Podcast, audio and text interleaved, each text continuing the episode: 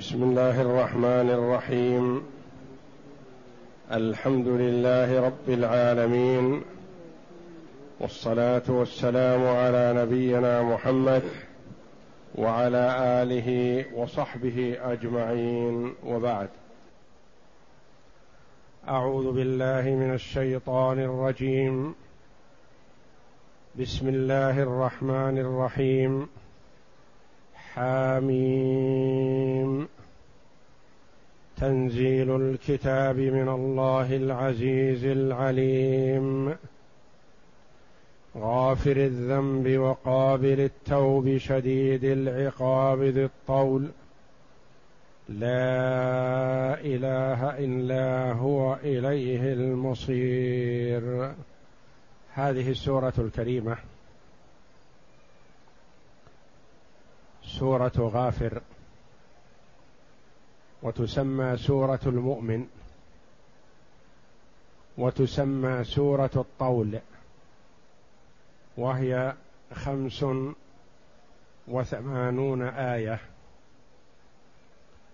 وهي من السور المكية.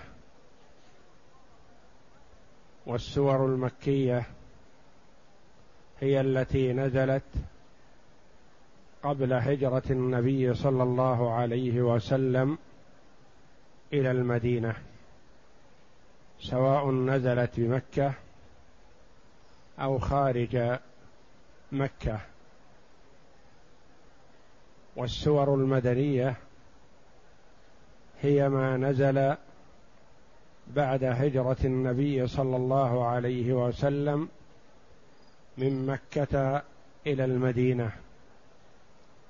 حتى وإن نزلت بمكة أو في الحج في منى وفي عرفات كلها يقال لها آيات وسور مدنية. وقال ابن عباس وقتادة هي مكية إلا آيتين منها. وهي قوله جل وعلا إن الذين يجادلون في آيات الله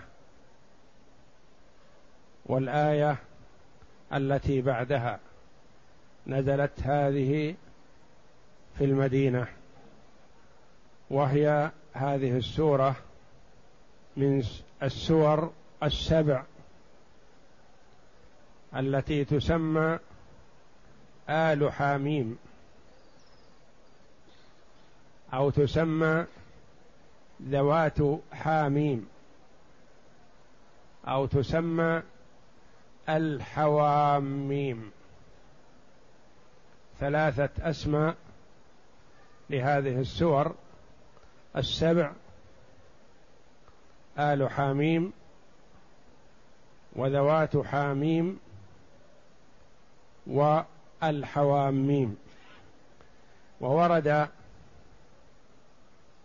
أن هذه السبع كل واحدة يوم القيامة تكون على باب من أبواب جهنم.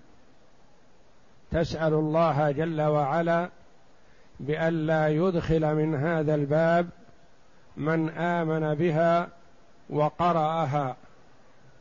وقال ابن عباس رضي الله عنهما إن لكل شيء لبابا وإن لباب القرآن حاميم. وقال ابن مسعود رضي الله عنه الحواميم ديباج القرآن. وروي عنه أنه قال إذا وقعت في آل حاميم وقعت في روضات دمثات أتأنق فيهن. وقوله جل وعلا حاميم قراءة الجمهور هكذا تقرأ.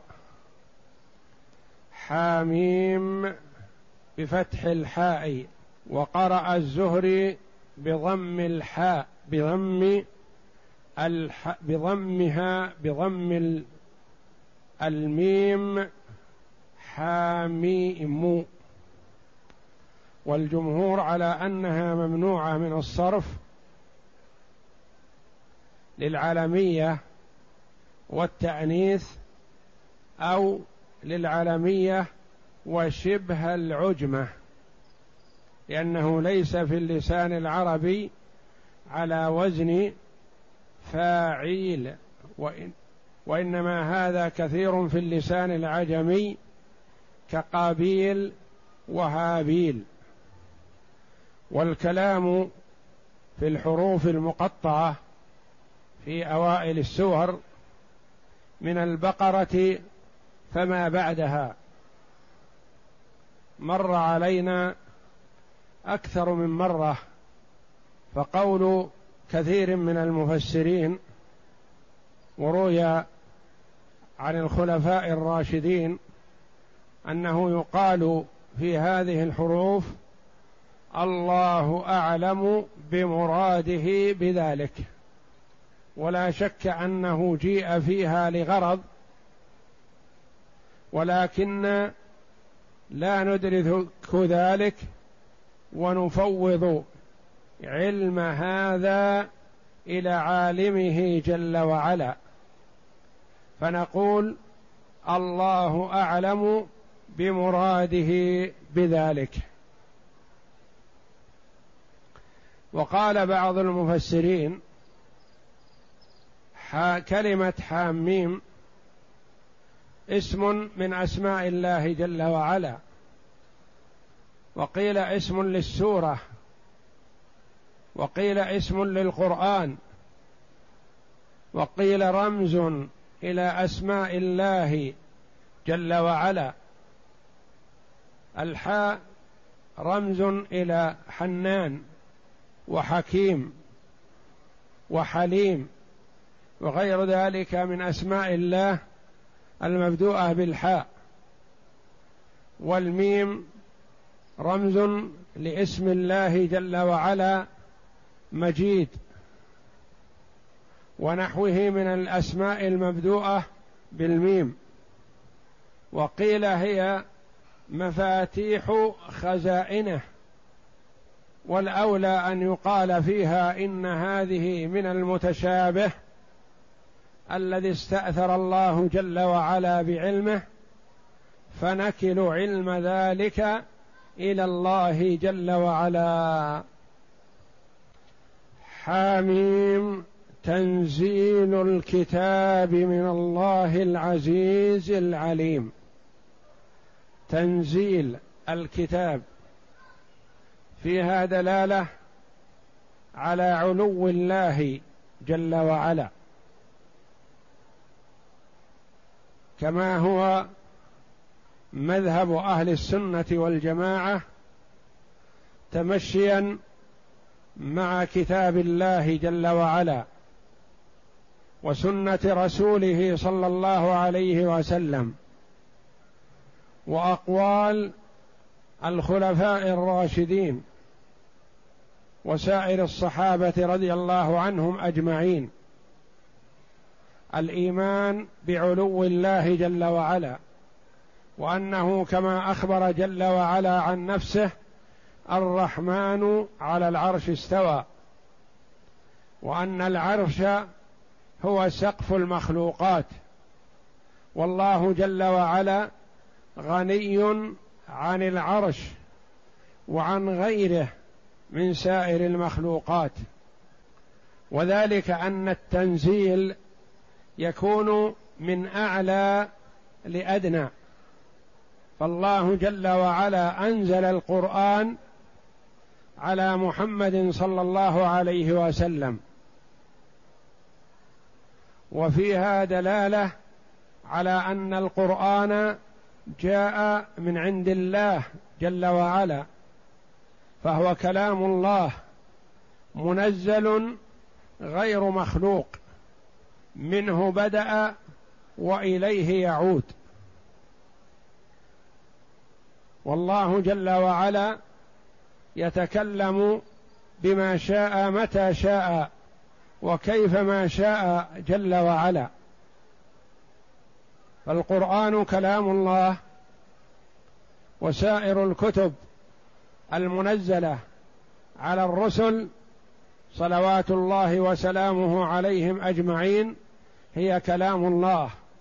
التوراة والإنجيل والزبور والقرآن خلافا لما يقوله بعض الضلال من أن القرآن مخلوق والقرآن كلام الله وكلامه صفة من صفاته جل وعلا فهو منزل غير مخلوق وقد امتحن أئمة السلف بالقول بخلق القرآن فصبروا وصابروا واحتسبوا واحتملوا الأذى والحبس والضرب في سبيل إعلان أن القرآن كلام الله جل وعلا. وممن امتحن في ذلك الإمام أحمد رحمه الله وحينما تأول غيره من الأئمة رحمة الله عليهم للخروج من الأذى والضرب والحبس طلب منه أن يتأول كما تأولوا. لأنه روي أن بعضهم قال التوراة والإنجيل والزبور والقرآن هذه الأربعة يشير إلى أصابعه. هذه الأربعة مخلوقة. يقصد الأصابع ليتخلص. فطلب من الإمام أحمد رحمه الله طلب منه بعض تلامذته بأن يتأول كما تأولوا. فقال رحمه الله للقائل له اخرج وانظر ماذا ترى في الباب. فخرج فرأى خلقا كثيرا معهم المحابر والألواح. فسألهم ماذا تنتظرون؟ ماذا تريدون؟ قالوا نريد أن نسمع كلام الإمام أحمد ماذا يقول فنكتبه. فرجع إليه فأخبره فقال وجدت كذا وكذا في الباب وهذا انتظارهم. فقال يا مروذي أتريد أن أضل هؤلاء؟ يعني يعطيهم كلاما فيه تورية ليتخلص. فأبى رضي الله عنه وقال الحق وصدع به وصبر على ما أصابه في ذات الله جل وعلا ومن أجل إحقاق الحق ورد الباطل رضي الله عنه وأرضاه. فهو القرآن كلام الله جل وعلا منزل غير مخلوق. منه بدأ وإليه يعود. وذلك أنه يرفع في آخر الزمان. يرفع من المصاحف والألواح ومن صدور الرجال. تنزيل الكتاب الذي هو القرآن. من الله. نزل من الله جل وعلا على محمد صلى الله عليه وسلم. نزل به جبريل عليه الصلاة والسلام. تنزيل الكتاب من الله العزيز. من الله جل وعلا صاحب العزة والقهر والغلبة جل وعلا.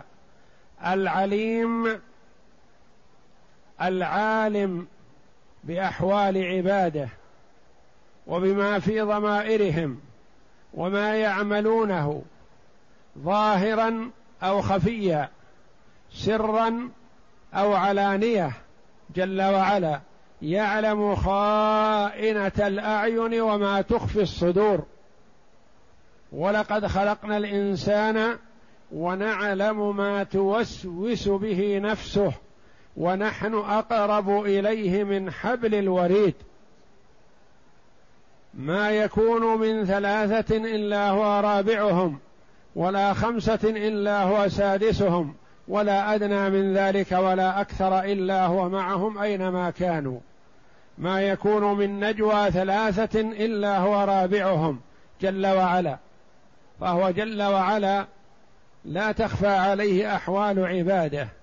عالم بما في ضمائرهم عالم بما يكنونه وبما توسوس به صدورهم قبل أن يتكلموا.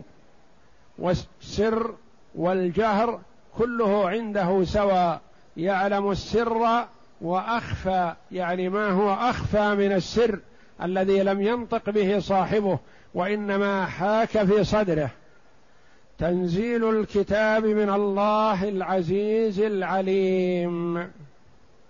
تنزيل يصلح أن يكون من حيث الإعراب خبر والمبتدا هو حاميم. إذا قلنا إنه اسم من أسماء القرآن أو غير ذلك. حاميم مبتدأ وتنزيل الكتاب خبره. ويصح أن يكون تنزيل خبر لمبتدأ محذوف. تقديره هذا تنزيل أو هو تنزيل الكتاب من الله العزيز العليم. ويصح أن يكون تنزيل مبتدأ وخبره من الله. تنزيل الكتاب من الله العزيز العليم هو الخبر. الجار والمجرور متعلق بمحذوف. تنزيل الكتاب من الله العزيز العليم غافر الذنب. وقابل التوب شديد العقاب. غافر الذنب يغفر ذنوب عباده جل وعلا. وقابل التوب يقبل توبة التائب ما لم يغرغر. شديد العقاب لمن عصاه وكفر به. ففيها ترغيب. وحث على التوبة والندم على ما فرط من المعاصي والإقلاع عنها كما فيها ترهيب وتخويف وكثيرا ما يجمع جل وعلا بين الترغيب والترهيب وبين ذكر أحوال أهل الجنة وأحوال أهل النار. وذكر ما يحفز الهمم للاستقامة والطاعة والترغيب في ذلك وذكر ما يخوف العباد من عقاب الله وسطوته ليكون المؤمن بين الخوف والرجاء. يرجو رحمة ربه ويخاف ذنوبه. غافر الذنب يعني يغفره ويمحوه ويتجاوز عنه جل وعلا. قابل التوب يقبل توبة التائب. ولا يرد جل وعلا من تاب مهما ارتكب من الكبائر والذنوب. حتى وإن, وإن قال الله ثالث ثلاثة تعالى الله وتقدس وحتى لمن قال المسيح ابن الله وعزير ابن الله يقول الله جل وعلا أفلا يتوبون إلى الله ويستغفرونه؟ ويقول جل وعلا قل للذين كفروا إن ينتهوا يغفر لهم ما قد سلف. وعد كريم من الله جل وعلا وترغيب في التوبة وهو غني عن الخلق. وغني عن أعمالهم. قل للذين كفروا إن ينتهوا من شركهم يغفر لهم ما قد سلف. غافر الذنب وقابل التوب شديد العقاب. عقابه شديد وعذابه أليم. اعلموا أن الله شديد العقاب وأن الله وأنه وأن الله غفور رحيم. فالمؤمن يكون على وجل وعلى خوف. يقبل على الطاعات وهو يرجو رحمة الله ويبعد عن المعاصي وينزجر عنها خوفا من عقاب الله جل وعلا. شديد العقاب ذي الطول. ذي بمعنى صاحب. صاحب الطول والطول الغنى والتفضل. يقال فلان ذو طول يعني صاحب غنى. ويقال فلان ذو طول بمعنى ذو تفضل يتفضل ويعطي. والله جل وعلا عبر عن الغنى والسعة بالطول في قوله تعالى ومن لم يستطع منكم طولا أن ينكح المحصنات المؤمنات فمما ملكت أيمانكم. أي من لم يستطع منكم طولا أي غنى وسعة ما يستطيع أن ينتكح حرة ينكح أمة. ذي الطول لا إله إلا هو. يعني هو المتفرد بالإلوهية وحده لا شريك له كما أنه المتفرد بالربوبية فهو المتفرد بالألوهية. لا إله إلا هو إليه المصير إليه المرجع والمآب. وفي قوله جل وعلا إليه المصير كذلك فيها ترغيب وترهيب. بشارة ونذارة حث على الخير وزجر عن الشر إليه المصير. أيها المؤمن اعمل بطاعة الله على نور من الله رجاء ثواب الله ومآلك إلى الله. أنت صائر إلى من تطيعه. أيها الكافر والفاجر اعمل ما شئت ومآلك إلى الله ومصيرك إليه. ففيها ترغيب في الخير لمن وفقه الله وفيها تحذير وزجر عن الشر لمن وقع في معصية الله جل وعلا من الكفر والفسوق والعصيان. إليه المصير. لا تظن أيها الكافر والفاجر والفاسق بأنك تفلت من يد الله جل وعلا. المرء في الدنيا قد يتمرد على رئيسه وكبيره وولي أمره ونحو ذلك يظن أنه يفلت من يده. وأما الإفلات من قبضة الله جل وعلا فلا يكون ذلك لأحد. الكل في قبضته والكل صائر إليه وآئل إليه ومآله إلى الله جل وعلا. إن شاء عذبه وإن شاء أدخله الجنة. إلا أنه جل وعلا حرم الجنة على من مات على الشرك. فقال عز من قائل إن الله لا يغفر أن يشرك به ويغفر ما دون ذلك لمن يشاء. لا إله إلا هو المتفرد بالألوهية والوحدانية جل وعلا المعبود وحده العبادة الحق لا يجوز أن تصرف إلا له. لا إله إلا هو إليه المصير المرجع والمآب. أخرج البيهقي وغيره عن أبي هريرة رضي الله تعالى عنه قال قال رسول الله صلى الله عليه وسلم من قرأ حاميم المؤمن إلى قوله إليه المصير وآية الكرسي حين يصبح حفظ بهما حتى يمسي. ومن قرأهما حين يمسي حفظ بهما حتى يصبح. ثلاث الآيات هذه من سورة المؤمن. فاتحة سورة المؤمن. تقرأ مع آية الكرسي يحفظ الله جل وعلا بهما عبده. إذا قرأهما صباحا يحفظه بهما من الشياطين ومن الشر إلى المساء ومن قرأهما مساء حفظ بهما إلى الصباح. وهذا ترغيب في قراءة هذه الآيات مع آية الكرسي وهي قوله جل وعلا التي هي أعظم آية في كتاب الله الله لا إله إلا هو الحي القيوم لا تأخذه سنة ولا نوم له ما في السماوات وما في الأرض من ذا الذي يشفع عنده إلا بإذنه يعلم ما بين أيديهم وما خلفهم ولا يحيطون بشيء من علمه إلا بما شاء.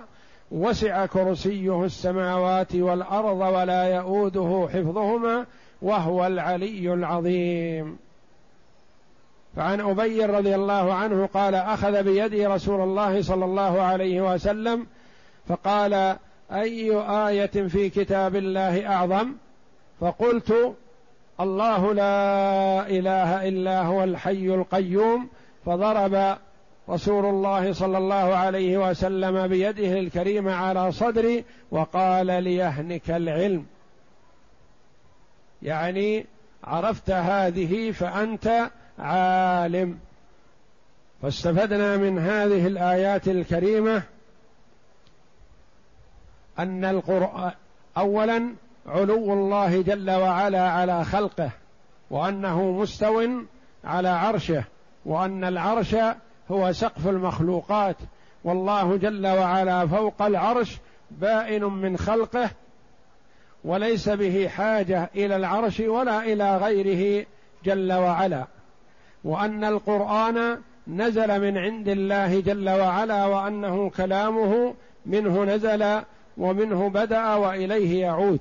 والله جل وعلا تكلم به حقيقة وأنزله على محمد صلى الله عليه وسلم والسفير بينهما جبريل عليه السلام. تنزيل الكتاب الذي هو القرآن من الله العزيز المتصف بالعزة والغلبة فيه إثبات صفات الله جل وعلا. وأهل السنة والجماعة يثبتون صفات الله جل وعلا كما أثبتها الله جل وعلا لنفسه وأثبتها له رسوله صلى الله عليه وسلم من غير تحريف ولا تعطيل ولا تشبيه ولا تمثيل. على حد قوله جل وعلا ليس كمثله شيء وهو السميع البصير. وأنه جل وعلا غافر الذنب وقابل التوب وشديد العقاب. فهو يجمع جل وعلا بين الترغيب والترهيب للعباد ليكون المؤمن دائما وأبدا مقبل على الله جل وعلا راغب في ما عند الله خائف من ذنوبه. وأن الله جل وعلا هو المتفرد بالوحدانية وهو المستحق للعبادة وحده لا شريك له وأن الله جل وعلا يغفر ذنب من تاب إليه مهما عظم الذنب. وإن كان الشرك والكفر وإن كان اتخاذ معبود مع الله وإن, وإن كان ممن زعم أن المسيح ابن الله أو أن عزير بن الله كل من قال أو تكلم أو اعتقد الكفر والضلال فإذا تاب تاب الله جل وعلا عليه. وأن المصير إلى الله جل وعلا في ويجازيهم بأعمالهم. إن خيرا فخير وإن شرا فشر. والله أعلم. وصلى الله وسلم وبارك على عبده ورسول نبينا محمد وعلى آله وصحبه أجمعين.